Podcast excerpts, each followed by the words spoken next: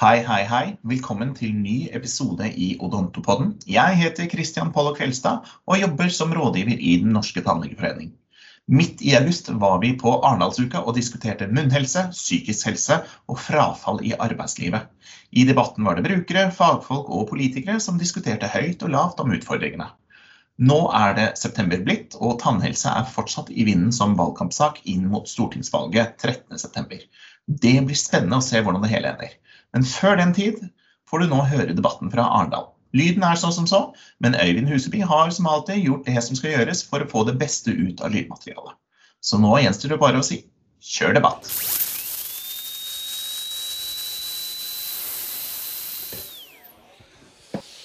Yes, da er vi klar med vårt eh, livestream-arrangement i Arendalsuka på det blide Sørlandet, og ikke minst en podkastepisode i Odontopotten.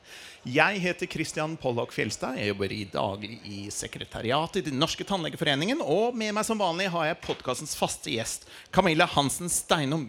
God dag! God dag, Kristian. Velkommen til det blide. Sørlandet. Takk. Er du klar? Ja, jeg veldig, gleder meg veldig til dette. Dette er jo liksom en sånn skikkelig start på høsten og valgkampen. Ja, ikke minst. Så eh, det blir spennende i dag, og veldig glad for at vi har fått med oss politikere og også to andre organisasjoner. Vi skal snakke om noe veldig viktig, nemlig tannhelse og psykisk helse. Tannhelse, oralhelse, psykisk helse, fysisk helse. Hele mennesket i samfunnet. Det som definerer oss når vi stiller spørsmålet 'Hva er det du gjør?' Jo, jeg jobber med, sier noe. Hvordan er frafallet i arbeidslivet, og hvordan påvirker vår helse hvordan vi eh, forholder oss til arbeidslivet. Og vi bare begynner rett og slett med en gang og introduserer Gild Arild, landsleder i Mental Helse. Hei og velkommen! Hei og tusen takk eh, for invitasjonen. Veldig hyggelig å være her på det blide Sørland i dette været og i denne stemningen. Så tusen takk. Det er absolutt det blide Sørlandet. Ja. Har du fått en iskrem også? ja, jeg måtte ha det, for det var liksom begynt å bli litt, noen timer siden frokost. Ikke sant? Så det. Men velkommen. Mental helse, frafall i arbeidslivet. Go! Din tur. Eh, tusen takk. Eh, Mental Helse er jo da en bruker- og pårørendeorganisasjon innen psykisk helsefeltet. Eh, vi, er jo, eh, vi er jo da opptatt av økt åpenhet rundt det med psykisk helse. Vi ønsker å fjerne tabu og stigma eh, rundt eh, psykisk helse. Vi ønsker mer informasjon om psykisk helse. Ikke minst så ønsker vi at uh, likhet i helsetjenestene som utøves enten av det offentlige, skal gjelde det samme enten du bor her eller du bor der. Uh, vi ønsker også å bidra til reell brukermedvirkning, altså muligheten til å påvirke helsetjenestene både på individ-, tjeneste- og systemnivå. Det er litt av det vi jobber for. Når det gjelder eh, tannhelse, eh, så er det noe vi egentlig ikke har snakka så veldig mye om, men som vi veit at eh, veldig mange av våre brukere eh, og medlemmer er, er opptatt av og sliter med. Det er litt sånn eh, todelt, for mange får problemer med munnhelse, tannhelse, pga. bruk av medisiner eh, for sine psykiske helseutfordringer. Og punkt to noen får da psykiske helseutfordringer pga. dårlig tannhelse. Eh, så det er liksom den, eh, den eh, inngangen vi ser på det med, med tannhelse. Og vi ser at det er et stort problem. Eh, og mange sliter både med å spile og være naturlig pga. Eh, tannhelsen. Eh, det er mange eh, som opplever både fysiske og psykiske utfordringer som gjør eh, at man faller ut eller ikke kommer inn i et arbeidsliv. Og vi er opptatt av at fysisk og psykisk eh, helse henger sammen, og at det må eh, en gang for alle sidestilles i hjelpeapparatet. Aktivitet er, eh, som eh, veldig mange forskere har sagt, viktig for den psykiske helsen. Og det å ha noe meningsfylt å gjøre, enten det er jobb, studier eller andre aktiviteter er utrolig viktig. I en arbeidssituasjon er det å føle seg verdsatt, få mulighet til å bruke evnene sine, være en del av en samhørighet med andre, er forebyggende for den psykiske uhelsen. Halvparten av oss vil oppleve psykiske helseutfordringer i løpet av livet. Og de fleste blir heldigvis friske. Og det å være i arbeid og bli fulgt opp av arbeidsgiver kan bidra til raskere bedring. Vår oppgave, og ikke minst politikernes oppgave, er å jobbe for at utsatte grupper ikke skyves enda lenger unna i arbeidsmarkedet, spesielt i den situasjonen vi står i nå. Pandemien har skapt økt arbeidsledighet, permitteringer og tydeligere utenforskap. Regjeringen har altså, altså, for å svare på disse utfordringene satt i gang en kampanje med hashtag 'se muligheter' for å informere, bevisstgjøre og motivere arbeidsgivere og andre til økt inkludering i arbeidslivet. Det holder ikke. Vi må sette krav til arbeidsgivere, akkurat som vi setter krav til arbeidstakere.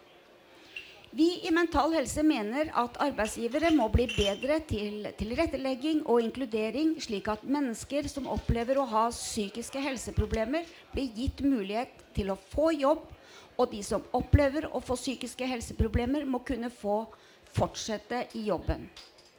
Offentlige myndigheter må følge opp, og 5 %-regelen om å ansette mennesker med nedsatt funksjonsevne, og at det skal, bør også kunne gjelde for privat næringsliv. Nav må bistå med økonomisk og faglig støtte til arbeidsgiver og arbeidstaker.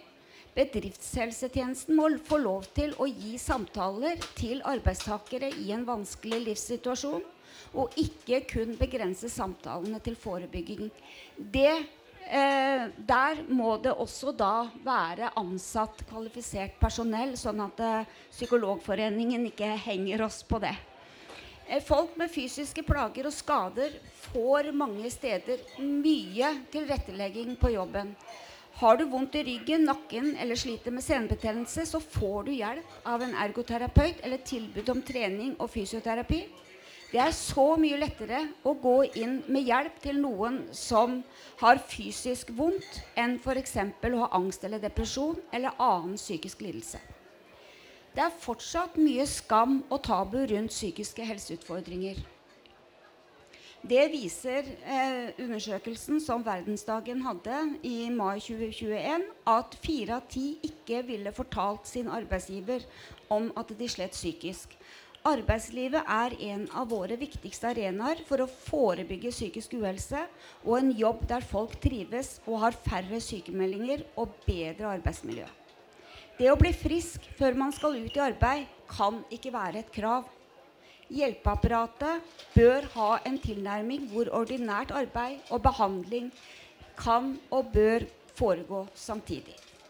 God psykisk helse skapes heldigvis for det meste utenfor helsevesenet. Og yrkesrollen er en viktig kilde til sosial identitet og opplevelse av personlig verdi Arbeid og aktivitet kan være god medisin når man sliter psykisk, og kan i de fleste tilfeller med fordel kombineres med behandling. Etter hjem og familie plasserer nordmenn jobben høyest på lista over hva som har størst betydning for deres psykiske helse. Psykiske helseutfordringer er en viktig årsak til fravær i arbeidslivet og 20% av sykefraværet i Norge dreier seg om psykiske helseutfordringer. Å ha psykiske helseplager trenger ikke å bety at man ikke kan jobbe.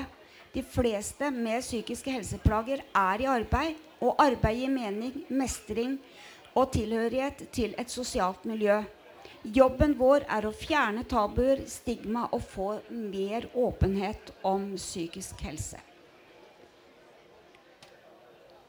Takk. Jeg tror jeg stopper der, jeg. Tusen takk. Det var eh, en eh, veldig stor ambisjon på vegne av ikke bare offentlig sektor, men også privat sektor. Eh, Du var jo innom momenter både fra inkluderingsdugnaden og IA-avtalen som sådan. Og det er Ja, tror du dette Hva skal til for å få dette på plass? Eh, Vi tror jo at den eh, gamle IA-avtalen må gjeninnføres og, og benyttes i, i, til fordel for den nye, som faktisk ikke inkluderer eller tar høyde for et sånn type samarbeid godt nok. Ja, nettopp det gamle punkt to, om jeg husker Ja, riktig, ja. i avtalen. Mm. Og det skal man ja, ta inn, og man skal inkludere da Dette 5 %-målet skulle Mm. også da ut fra offentlig sektor til privat sektor. Vi er et land av mange små og mellomstore bedrifter. Det er eh, Ja, hvordan, hvordan skal vi få det til? Jeg tenker at eh, problemet er ikke hvordan vi skal få det til. Eh, vi, eh, utfordringen er viljen til å forsøke å få til noe. For alt er bedre enn ingenting. Og 5 %-målet i offentlig sektor er heller ikke innfridd. Eh, på alle områder. Og det er ikke noe stort fokus på det med mennesker med nedsatt funksjonsevne for å inkludere de i et eh, arbeidsliv. Eller eh, hva skal jeg si, ha en stilling som de på en måte eh, rettmessig får fordi de har eh, dårligere mulighet til å søke på andre vilkår. Ja. Og på samme måte som du så på sivilsektor, offentlig sektor og privat sektor som det hele samfunnet som vi begir oss i, så ser du også på det psykiske og det fysiske. Altså hele, hele mennesket som må behandles gjennom dette systemet. Og ikke minst inkluderes og ikke ekskluderes. Eh, og det er jo kjempeviktig. Og det er vel noe vi kjenner oss igjen i, ikke sant, Camilla? Ja, altså det er Veldig interessant det du sier. Og det som jeg står og tenker, da, og du sa det jo selv også Vi har aldri snakka så mye om munnhelse eller oral helse. Eh, og det, det, det kjenner jeg jo igjen. sant? At vi, vi glemmer at det er en veldig viktig del av, den, av helhetlig helse. Eh, og det som jeg står og tenker på, er jo det du sier at eh, det er forbundet litt med skam. At man ikke ville tatt opp med arbeidsgiver, f.eks. Jeg tror at det gjelder også for tannhelseproblemer. Eh, vi vet jo at mange som har dårlig oral helse, de spiser ikke samme, samme kolleger. De trekker seg unna sosiale tilstelninger. Eh, det er skambelagt å ha dårlig oral helse eller munnhelse i dag. Og når vi da også vet at eh, ca. en fjerdedel av de som har psykiske plager, sier at de har et udekka behov for tannhelsetjenester, så tenker jeg at dette er en ond sirkel. Ikke sant? Altså at, uh, både at man kan få dårligere oral helse av å ha psykiske plager, men også motsatt. Eh, og jeg tenker at hvis man skal komme i mål med å ivareta hele mennesket, så kan man ikke bare se på én eller to ting. Da må man se på helheten. Eh, og jeg tenker jo at bare det at vi er her i dag og snakker sammen, og løfter bevisstheten rundt dette, er kjempeviktig. Ikke sant? Fire av ti var det, Ja. så meget. Det er jo ganske mange. Og det er jo, vi vil ikke fortelle oss denne psykiske problemer. Og vi binder jo veldig den orale helsen opp mot den psykiske helsen. Du sa innledningsvis at uh, dere som organisasjon Mental Helse ikke har på en måte vært i berøring med akkurat tannhelse per se. Men jeg regner med at du møter mange mennesker på din vei som forteller historier. Hva sier de? Nei, det, det, sier, det, det sier at det er et veldig stort eh, problem blant mennesker med psykiske problemer og rus spesielt. Eh, rusgruppa er vel kanskje de som er mest utsatt for dårlig, dårlig tannhelse. Eh, men jeg tenker, jeg tenker at det er noe vi må gjøre noe med. Vi må se på på det som en helhet eh, sammen med resten av mennesket når man skal inn i en behandling. Og det må være, det må være greit for en psykolog eller en eh, psykiatrisk sykepleier eller fastlegen å spørre hvordan er det med din tannhelse. Har du noen utfordringer rundt det? Og tilby hjelp og støtte dersom det er mulig. Um, og jeg veit at noen uh, kommuner er flinke på det og har uh, tilbud, uh, offentlig tannhelsetjeneste, til de som har et vedtak i psykisk helsetjenesten i kommunen. Og det burde være noe som alle kommuner, kommuner har, og det bør være et område som politikerne prioriterer å sette på dagsorden. Sånn at, sånn at det, for det vi viser fram, er på en måte det vi er, eller det folk tror vi er. Eh, så har du på en måte dårlig Har du ikke tenner i overkjeven, så vegrer du deg for oss å snakke. Eh, på lik linje så mange sliter med overvekt bl.a. og heller ikke ikke tør snakke om det eller bevege seg ute eller spise blant andre fordi de har et spiseproblem. Mm. Så dette er en helhet som vi er nødt til å ta på alvor. Og vi må se hele mennesket. Vi må se det fysiske, og vi må se det psykiske i en sammenheng. Ikke minst er det, altså det er en helhet med mennesket, men de delene som er der, gjensidig forsterker seg i negativ retning. Ja. Slik at uh, den psykiske, orale helsen blir ditt, uh, din sosiale helse. Mm. Og da det i møte med arbeidslivet, det å få seg jobb, det å tjene penger dårlig, altså det å eventuelt ikke tjene penger, mm. går tilbake til hvordan du får dårlig psykisk helse, dårlig tannhelse, mm. altså så har, det, så har du det gående, ja. rett og slett. Eh, og det gjelder jo ikke bare brukergrupper, altså pasienter som er spesifikt innenfor rus, eller de eldre, eller de med psykiske problemer. Det gjelder jo et, et segment, egentlig. Mm. Det er et mm. samfunnsproblem mm. blant de som har dårlig råd. Mm. Så det er jo eh, det er mye å gripe tak i ja, her. Det er det. Så det. Hvis du har en uh, siste utfordring før vi tar et raskt skjeneskifte til altså Du var litt innom IA-avtalen til uh, politikerne. Er det noe du kunne tenkt å utfordre dem på sånn spesifikt? da? Ja, jeg, jeg, kunne tenke meg å utfordre politikerne på hvorfor de på en måte har nedskalert IA-avtalen på den måten de har gjort. Eh, hvorfor de ikke gir det tilbudet som lå i den gamle IA-avtalen eh, per i dag. Eh, men eh, pakka det inn i noe som ikke fungerer helt som det skal. Ikke sant. Takk. Da ønsker jeg at vi tar en liten klapp for Gild Arild fra Mental Helse. Og vi ønsker opp eh, Håkon Kongsrud Skar, som, skal, eh, som, er leder i Psykologforeningen, og som skal overta plassen til Gild. Men hva med deg, Camilla? Har du en eh, kommentar på veien mens vi binder over inn i neste segment? Ja, jeg er, jeg, er, veldig glad for at vi har fått til uh, dette samarbeidet. For jeg tror det er det det handler om. Jeg tror det er det jeg og Håkon kommer til å snakke litt om nå. Dette med tverrfaglig samarbeid. Hvor viktig det er at vi, at vi ser pasientene og at vi snakker sammen. Og jeg, syns det var litt interessant det Ild sa på slutten. Uh, det med at det er lov for andre å spørre om oral helse. Vi, har, vi hadde jo også snakka om moral helse med Legeforeningen. Og da hadde vi en fastlege som sa at når jeg skjønte at pasientene mine også hadde orale utfordringer, så var det lettere å behandle dem. Eh, for når man har uh, dårlig munnhelse, så er det vanskelig å spise. Det er vanskelig å være sosial, som jeg med seg, men det kan også føre til store smerter, f.eks. infeksjoner. Og da hjelper det ikke å behandle alt det andre. Hvis man glemmer det. Ja. Og da har du jo mer eller mindre kastet oss inn i det vi kaller fagpraten. Først har vi tatt brukeropplevelsen, så går vi over til fagpraten. Håkon Kongsrud Skaar, leder av Psykologforeningen. Du har jo nå fått høre Gild Arild sin eh, kommentar og perspektiver på dette her, og litt av på Camillas, men vi er jo litt spente på hva du har å komme med. Ja, nei, jeg tenker at Gild gir jo en veldig god beskrivelse av hvorfor det er viktig å kunne se tannhelse og psykisk helse under ett.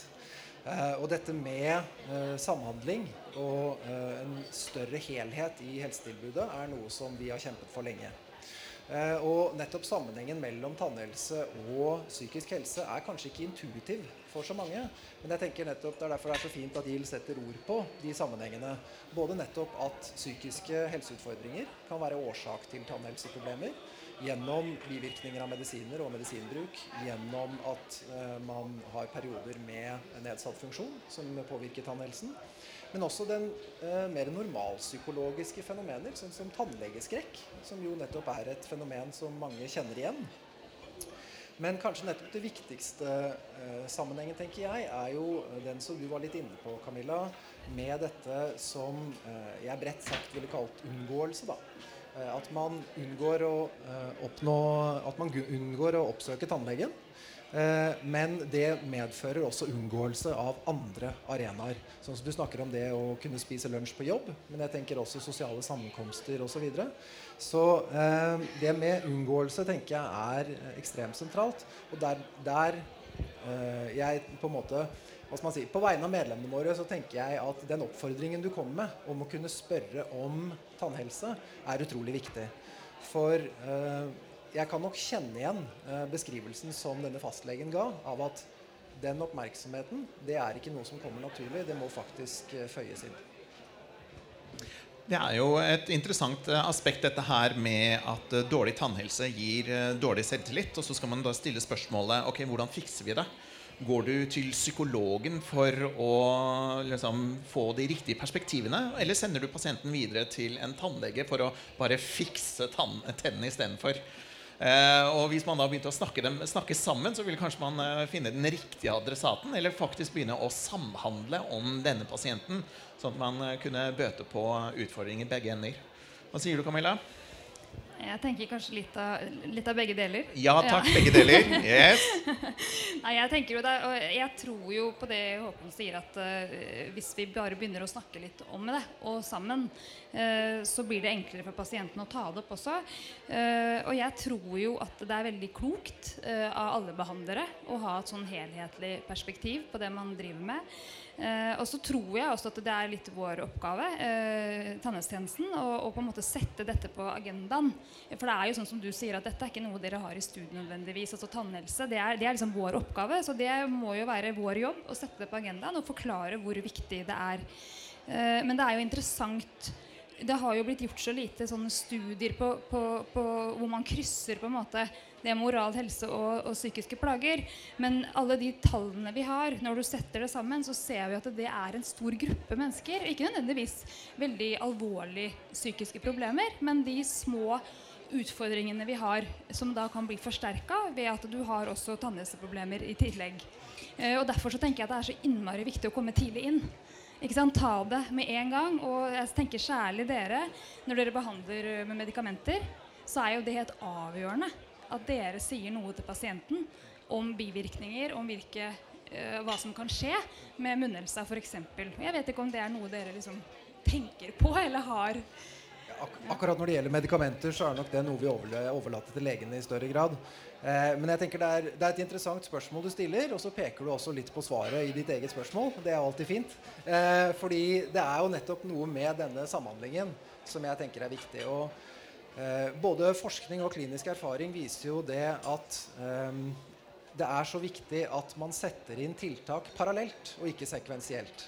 Eh, sånn at den gamle tanken om at man eh, først må helbrede og så rehabilitere, og så er de tilbakeført i vanlig funksjon, mm. den er ganske passé. Mm. Sånn at nettopp det å kunne sette inn parallelle tiltak på ulike felt og sørge for at en person enten opprettholder funksjonen tross ulike plager, eller kan prøve seg i funksjon i arbeidslivet tross ulike plager, den er utrolig viktig. Og nettopp det å heve blikket litt der på uh, arbeidslivet tror jeg er helt sentralt. For eh, vi kommer jo ikke unna at eh, perspektivmeldingen peker jo veldig klart på det skrikende behovet vi vil få av å ha hele befolkningen i arbeid i tiden fremover. Vi skal møte eldrebølgen, og vi skal møte et størt eh, økt behov for eh, helsetjenester, og at velferdsstaten skal levere på dette. Og da er det viktig å nettopp kunne sørge for at flest mulig står i arbeid. Og da tenker jeg det er ganske forstemmende å se at man eh, har eh, mennesker, og ganske mange unge mennesker, som står utenfor arbeidslivet grunnet helseplager som det er fullt mulig å behandle. Og det er der jeg tenker at uh, Istedenfor å snakke om det som utgifter, så tenker jeg det er ganske nyttig å snakke om det som verdiskapning. Fordi det er det det fører til i det lange løp. Sånn er, jeg tenker at Det er liksom det landskapet der vi beveger oss i. Um, og så er det klart at Frafall starter jo også i skolen, ikke bare i arbeidslivet. Så det er noe med å kunne ha med det perspektivet også. Men samtidig så er det viktig å kunne også snakke om hva arbeidslivet uh, og tjenestene som skal uh, agere inn mot arbeidslivet, kan gjøre mm. Og det gjelder jo både for å beholde folk i arbeidslivet som er på vei til å falle ut, og selvfølgelig den store gruppen av folk som aldri egentlig har kommet inn, som allerede i ung alder har uh, fått problemer, det være seg med selvtillit, det være seg med den fysiske, orale helsen, eller på å være på det psykologiske. Og så er det jo interessant, jeg, eh, når du nå nevner det, så kommer jeg i hu at man til og med har endret rehabiliteringsdefinisjonen. Sånn at det er ingen sånn endelig ting du gjør. Det er ikke sånn at problem oppstår, du diagnostiseres, du får behandling, du rehabiliteres og forebyggende. Det går jo, i, det går jo nest, nesten i rund ring hele, hele, veien. Og man må jobbe helhetlig også på dette eh, området. Så det er Et annet eh, poeng vi var innom, det var odontofobi. Som igjen har et sånn uh, tverrsnitt av å både være psykologisk og å være fysisk. Og som tannlege, hvordan er det du nærmer deg odontofobien? Nei, Odontofobi er jo, en, er jo en utfordrende diagnose for oss, selvfølgelig. Eh, nå er det jo veldig mange som har det som Håkon var inne på i stad, som eh, vi kaller tannbehandlingsangst, og ikke tannlegeskrekk. For jeg tenker det er ikke oss de er redde for, det er behandlingen. Eh, og det er, jo, er det ganske mange som føler på, faktisk. Og mange som utsetter timer, eh, helt riktig som du sa. Men så er det de som har odontofobi, som jo er en diagnose som settes. Eh, og der er det jo eh, veldig vanlig at man ikke går til tannlegen i det hele tatt. Altså, altså over mange mange, mange år, og utsetter og utsetter, heter man på en måte må.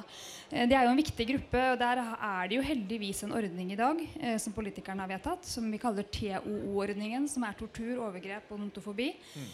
Eh, det er en uh, god ordning, men den er altfor dårlig utbygd. Og det er altfor stor uh, ulikhet i de ulike fylkene hva slags behandling man får, og hvor lang ventetid det er. Og det er jo en gruppe som jeg tenker at vi må ta på alvor, og som bør ha et, et, et skikkelig tilbud. For det jo, kan jo være helt ødeleggende. Altså Disse pasientene har dårlig livskvalitet, de fungerer kanskje ikke uh, ute i samfunnet i det hele tatt. Og det, det må vi uh, få på plass. og det er, Nå er vi over økonomi og, og politikk, og det er jo noe av det som er viktig for Tannlegeforeningen oppi dette, er jo at tannhelse må ses på som en viktig del av helse. Eh, og det vi har bedt om, er jo at vi får en helhetlig gjennomgang av systemet. Fordi at det fungerer ikke i dag. Vi når ikke de som har størst behov. Det er altfor stor sosial ulikhet i tannhelse. Eh, og vi må hjelpe dem som trenger det mest, nå som pengene er begrensa. Så ønsker vi selvfølgelig økt offentlig finansiering, men de pengene må vi også bruke riktig. De må brukes på de riktige pasientene. og Derfor så må vi ha en helhetlig gjennomgang av tjenesten. Mm. Og så må vi se på hvordan vi kan klare å se tannhelsetjenesten som en viktig del av resten av helsetjenesten. Både fysisk og psykisk helse.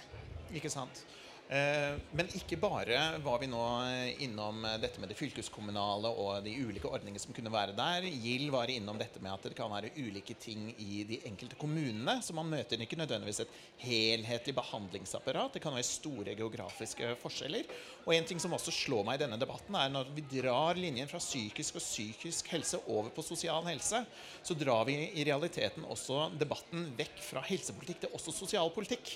Og der kommer det økonomiske innslagspunktene pengene inn over, og da vips, så er vi over i arbeidslivspolitikken, egentlig. Så alt henger sammen med alt også her, da. Hva skal vi gjøre? Jeg tenker at det er uunngåelig. Det er uunngåelig at det, disse politikkområdene henger sammen. Eh, alt henger sammen med alt, som du sier. Eh, det er jo nettopp noe med å kunne forholde seg til den virkeligheten som eh, du beskriver her, Camilla. At vi ser jo at det er grupper som får en opphopning av problemer helseproblemer og sosiale problemer, levekårsproblemer. Eh, og eh, så vet vi også at disse gruppene, i, eh, i hvert fall noen av dem, i mindre grad oppsøker og bruker helsetjenester. Og eh, da må jo vi se på oss selv. Hvordan vi kan skape bedre tjenester som motvirker det. Men jeg tenker det er desto viktigere at vi da fjerner de barrierene som eh, disse menneskene opplever i en situasjon hvor de ellers hadde oppsøkt mm. helsehjelp. Og det kan være økonomi i noen sammenhenger, men det kan også nettopp være et uoversiktlig regelverk og en variasjon mellom kommuner i både hvordan det forvaltes, men også kunnskapen om ulikt regelverk. Og Det ser jo mm. vi fra vår sektor, eh, og Camilla beskriver det fra tannhelsesektoren. Og der er det, altså det er jo eh, noen forsøk etter det jeg kan huske, på helseteam, hvor vi organiserer flere av tjenestene rundt den enkelte pasient. Hvor sosial eller Nav kobles opp mot eh, fastlegen og kan utvide dette til å være både med, med psykolog og med, med ergoterapeut. Og det er en helhetlig tjeneste. Jeg har aldri hørt tannhelse som en del av eh, helseteamet, men kanskje vi er på vei til å finne noe, noe nytt her også? Vi har spilt inn det. Når man oh, lagde disse helseteamene, så sa vi ikke nødvendigvis at man skal ha tannhelsepersonell tilgjengelig hele tiden, men i hvert fall å kunne hente inn ved behov. Eh, og det er, jeg er helt enig med deg, Håkon. at vi, vi har jo et veldig godt helsevesen i Norge. Sant? Men det er noen grupper mennesker som vi ikke klarer å nå, og som ikke får den eh, verken behandling eller oppfølging som de faktisk trenger. Eh, og det, det, er jo der vi først og fremst må sette inn støtet og prøve å finne ordninger. Jeg tror, ikke jeg tror ikke det bare handler om penger. Jeg tror det handler om organisering, samarbeid. Eh, ja, altså det er andre ting enn bare ren økonomi som kan hjelpe disse pasientgruppene. Mm. Ja, jeg, jeg, tror også det. Og så tror jeg nettopp at jeg, jeg tror ikke vi kan stå her på Arendalsuka og forvente at vi løser dette her og nå. Eh, fordi eh, erfaringen er jo at disse, eh, når det gjelder disse problemstillingene, så er utfordringene i detaljene. Sånn at det er nettopp juridiske snublesteiner, det er administrative snublesteiner. Og det er derfor en gjennomgang og en prosess på dette er utrolig viktig. Men nettopp det å uh, likevel kunne ha med seg noen av de prinsippene som vi snakker om her, av at det er et helhetlig tilbud, uh, og at det er et tilbud som prøver å nå de som har størst behov, det tenker jeg er viktig å ta med seg inn mm. som førende da, når vi skal begynne å snakke om disse detaljene, men vel vitende om at det er der man ofte snubler. Ikke sant? I, til denne debatten, altså Vi har da satt sånn, Tittelen er 'Frafall i arbeidslivet'. og Vi har jo nå snakket godt om brukeropplevelsen og pasientene. og Vi har også fått fagebiten inn. Men arbeidsgiversiden, der har vi faktisk hatt utfordringer med å finne arbeidsgivere som sier at hei, hei, dette har jeg tenkt på veldig lenge, og nå vil jeg komme og fortelle hvordan det best kan gjøres. Og Det sier noe kanskje noe om eh, systemet som helhet. da, At arbeidsgiversiden i, en, eh, i den inkluderende arbeidslivet som vi ønsker å ha, har faktisk noe å gå på. Enten det være seg det offentlige eller private. Og hva, hva, hva skal vi si til dem, da? Ja, altså som du sier, det er jo ikke en ensartet gruppe. Um, og um, her blir jo jeg litt opptatt av at uh, akkurat som det er variasjon mellom kommuner, uh, og tidvis uakseptabel variasjon, så er det jo også variasjon mellom arbeidsgivere. Og hvis vi da skal heller ta et liksom positivt fokus på det, da, så er det jo eh, arbeidsgivere som vi ser som i større grad begynner å se verdien av forebyggende tiltak inn i arbeidssituasjonen. Eh, rett og slett fordi at eh, de begynner å innse at arbeidskraft er en ressurs som faktisk må forvaltes. Eh, og så er nok det en kjensgjerning at det i mange tilfeller er høykompetent arbeidskraft som behandles på den måten. Eh, men jeg tenker at i det så ligger det en del eh, tenkning og erfaring som det går an å overføre til andre arbeidsgivere, eller rett og slett uh, peke på som foregangseksempler.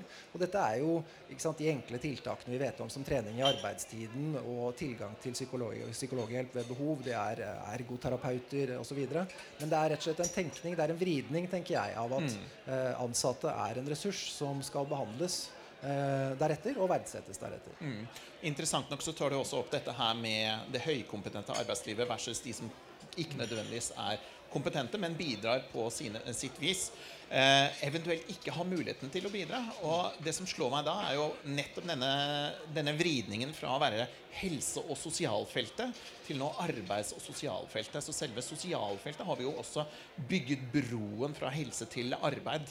Som er eh, igjen da dette helhetlige perspektivet som er viktig å ta med seg. Ja, vi skal straks spore over til politikerne. Er det noen siste utfordringer dere mener at vi skal ta med til dem?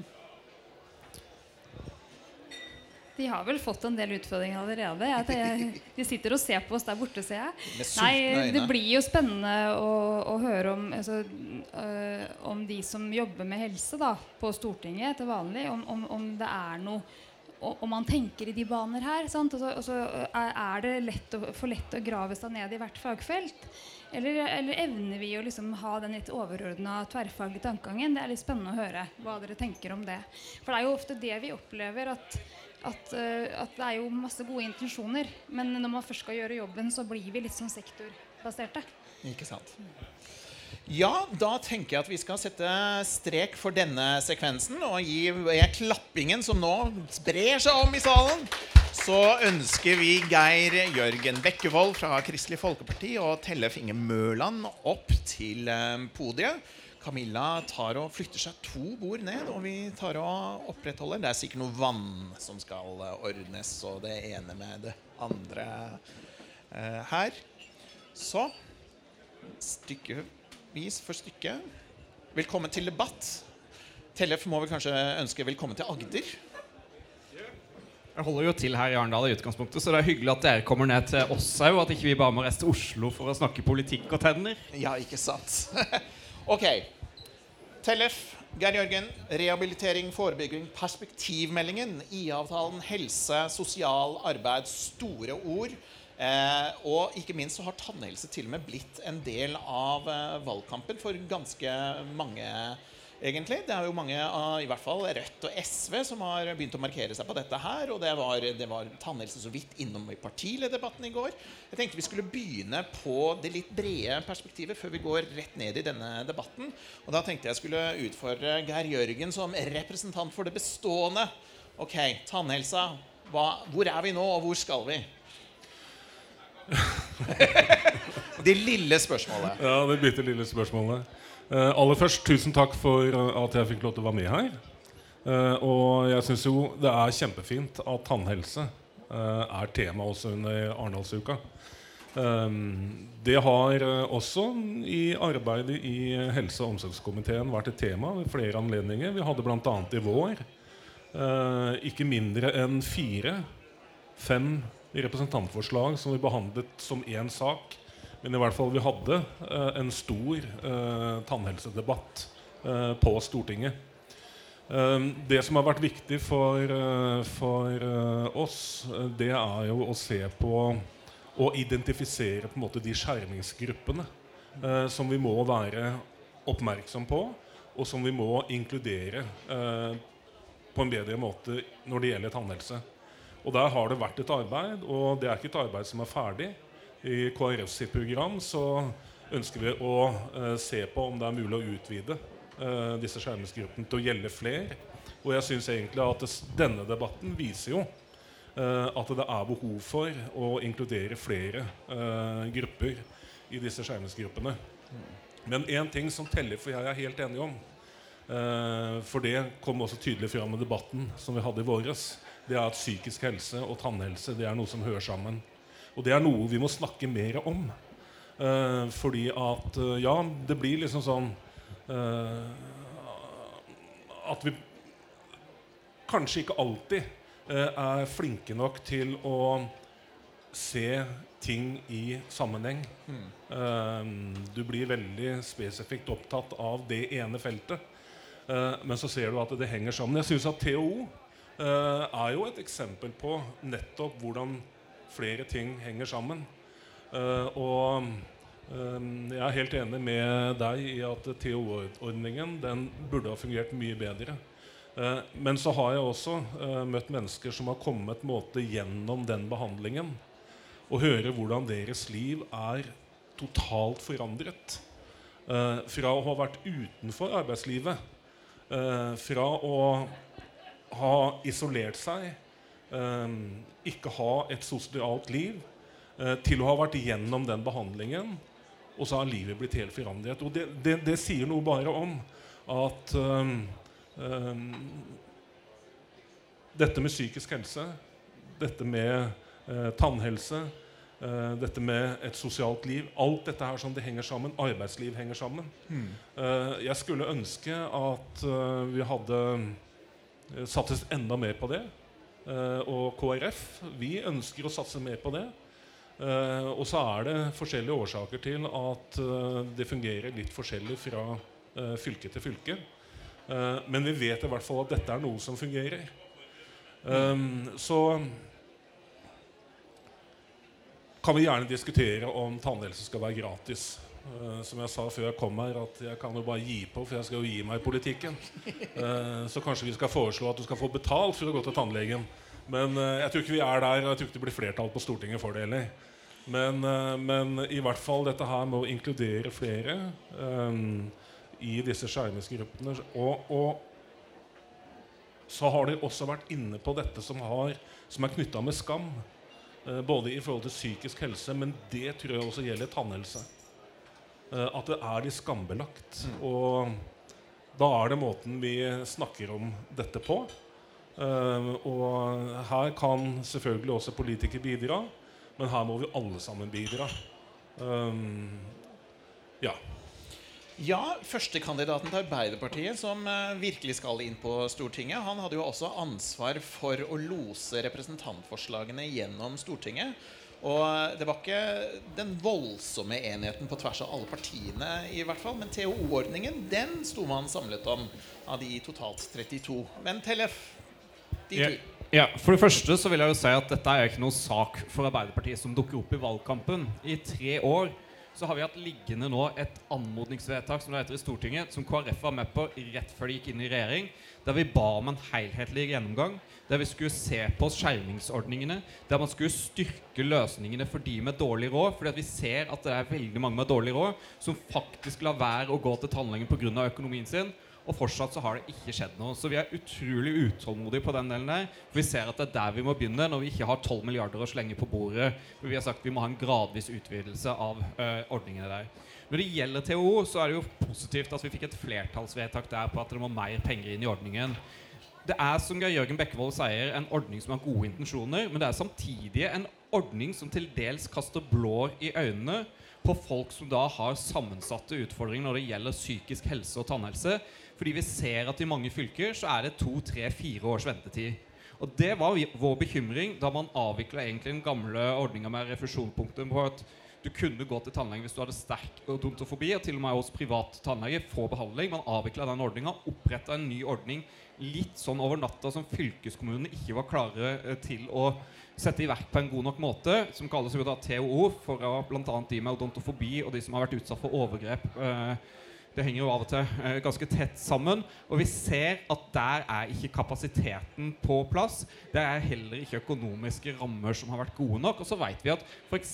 på psykologfeltet så er det jo begrensa med fagkompetanse tilgjengelig, og det blir òg en propp i det her systemet. Så det er jo utrolig viktig at det oppleves som en reell rettighet for folk som kanskje har blitt svikta tidligere, og at man faktisk får behandling innen relativt kort eh, tid. Og øh, ja, det er liksom Denne debatten går fra liksom hashtag helheten til øh, den minste lille ting, og det er vel vanskelig å unngå. Men inn i valgkampen nå så ser jeg jo at uh, dere er jo begge representanter for å utvide dagens ordning og ikke skape nødvendigvis en, en universell ordning her og nå. Mens Arbeiderpartiet er mer tydelig på at det er dit, man- dit man skal på sikt. Jeg har ikke helt opplevd at KrF er uh, Nei, på altså den det, biten. det, som vi, det som vi har i vårt program, uh, det er at vi ønsker å utrede eh, muligheten for å ha en ordning der du har en egenandel slik du har når du er hos legen. Men dette må utredes, fordi at eh, dette vil koste penger. Og det er som det også ble sagt i eh, første bolk her, at eh, det er begrensa ressurser. Også innafor helsevesenet, folkens. Og det betyr at vi må bruke pengene på en riktig måte, sånn som du var inne på. Eh, men vi har i hvert fall i programmet eh, et ønske om å utrede dette. Men også fordi at vi har en intensjon om å utvide uh, disse rettighetene. Uh, det ligger helt klart. Og vi hadde, det skal jeg ikke legge skjul på, uh, diskusjoner på vårt landsmøte om vi skulle gå enda lenger. Så i KrF så er det en vilje til å utvide skjermingsgrupper, få inn flere inn i disse ordningene. Men, eh, men eh, dette må utredes, for vi vet at det vil koste penger. Og det er det egentlig det samme som Arbeiderpartiet også sier. Ja, helhetlig gjennomgang, Tellef. Det høres ut som det blir det. Eh, Ja, men konklusjonen vår er ganske klar på at vi skal ha en gradvis utvidelse der målet der framme ligger på at det skal være en universell ordning. Nettopp fordi at tennene er ikke så forbaska spesielle fra resten av kroppen. Altså Mener vi at resten av kroppen og det du har for så vidt i toppen, det skal det offentlige dekke? Ja, det henger sammen med tannhelse. Vi har snakka om ernæring for eldre f.eks. på sykehjemmer. Det er klart at det er fint at det lukter mat på sykehjemmen, men du skal jo kunne ete den maten. Og da handler det om tannhelse. Og så har det dessverre vært en del tilfeller denne siste perioden av at det handler ikke om utvidelse, det handler om innskrenkelse og prøve å stoppe innskrenkelse. Vi har sett det for mennesker med sterkt nedsatt egenevne til å ta vare på tannhelse, der det har vært store kutt. Vi har sett det f.eks. når det gjelder tannregulering. All annen tannbehandling er gratis for barn, for det er at du velger ikke hvor mye foreldrene dine har i lommeboka. for å si det sånn. Da har fått store kutt. Og da kunne man sagt at ja, ok, det er noen som ikke trenger det, vi skal styrke ordningene for de andre. Det gjorde man ikke. Man har sett det på refusjonssatsene. I år så er det greit levert fra regjeringa. Men det er klart når refusjonssatsene i realiteten går ned, så betyr det at folk som har rettigheter, som kanskje også har dårlig økonomi, de får det vanskeligere med å få dekka nødvendig tannhelsebehandling. Og sånn, Der har vi jo måttet kjempe i denne perioden. Men målet må jo være at vi diskuterer hvor begynner vi, hvor er det det brenner mest, når vi skal utvide ordningene, sånn at alle kan få lov til å smile fordi at folk kan ta vare på tennene sine. Og så ser vi at 12 milliarder det får vi ikke dekka over ett år, men vi ser at det er fullt mulig å bygge gradvis ut tannhelsa. Nei, Det er vel knapt noen grupper som får eh, 12 milliarder utenom eh, i koronatider, hvor man kan virkelig bla opp med lommeboken. Men eh, tema for dette møtet var jo også litt av frafallet i arbeidslivet. Og Gild var jo innom dette med IA-avtalen og den gamle IA-avtalen versus den nye IA-avtalen. Eh, regjeringen har da inkluderingsavtalen, og vi har en ny IA-avtale. Men den går jo ut i 2022, og det skal jo en ny eh, IA-avtale på, på plass også. Hvordan tenker vi i overgangen på dette her? Eh, Nå har jo GIL kommet med en klar anbefaling eh, om å egentlig gå tilbake til den gamle IA-avtalen. Um, og jeg tenker at når det nå skal utarbeides en ny avtale, uh, så bør jo uh, de innspillene der sånn uh, komme tydelig fram. Og eventuelt andre innspill som gjør at den IA-avtalen vi har i dag, hvis det er ting der som ikke fungerer godt nok, at det ikke stilles for gode nok krav til arbeidsgiver f.eks., så må det komme tydelig fram. For vi har jo en intensjon alle sammen om at eh, man skal kunne stå i arbeid eh, og komme tilbake igjen i arbeidslivet hvis man har vært ute av det eh, en stund. Eh, og her må, her må vi spille på lag. Eh, så veldig interessant med de innspillene du kom med. Jeg må bare innrømme, og her er det også litt som du var inne på, vi blir litt sånn sektorpolitikere. Før så het det helse- og sosialkomiteen.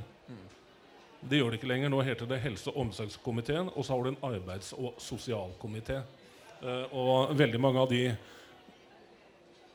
politiske sakene man jobber med i arbeids- og sosialkomiteen, er det kanskje ikke så ofte at vi eh, er så dypt inn i.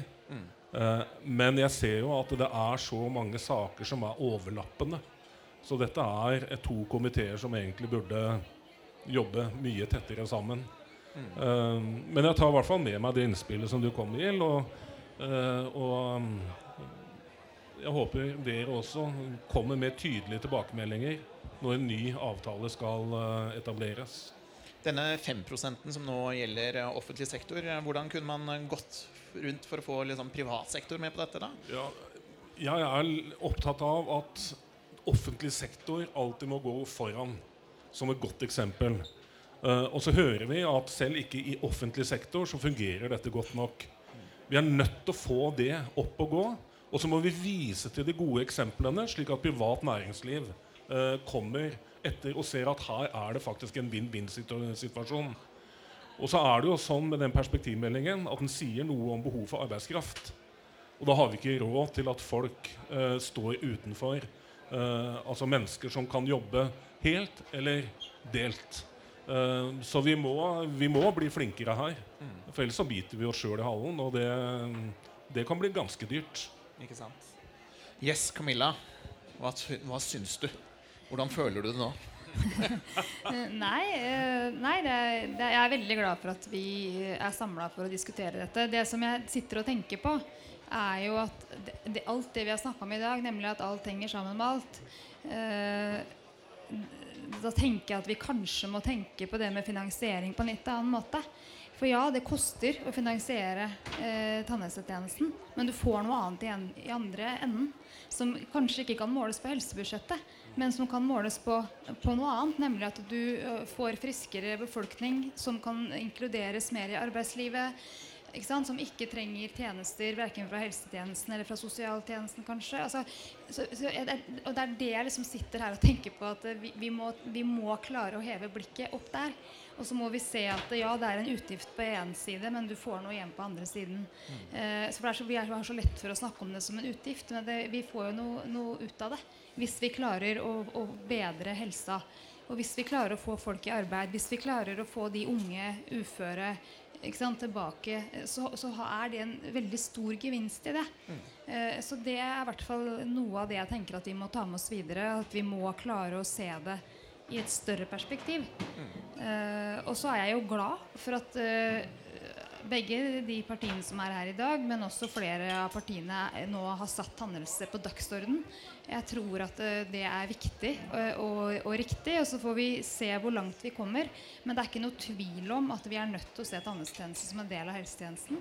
Og vi må ha en gjennomgang for å klare å skape en tannhelsetjeneste som kan gi alle et nødvendig tilbud. For det har vi ikke i dag, og det burde vi ha.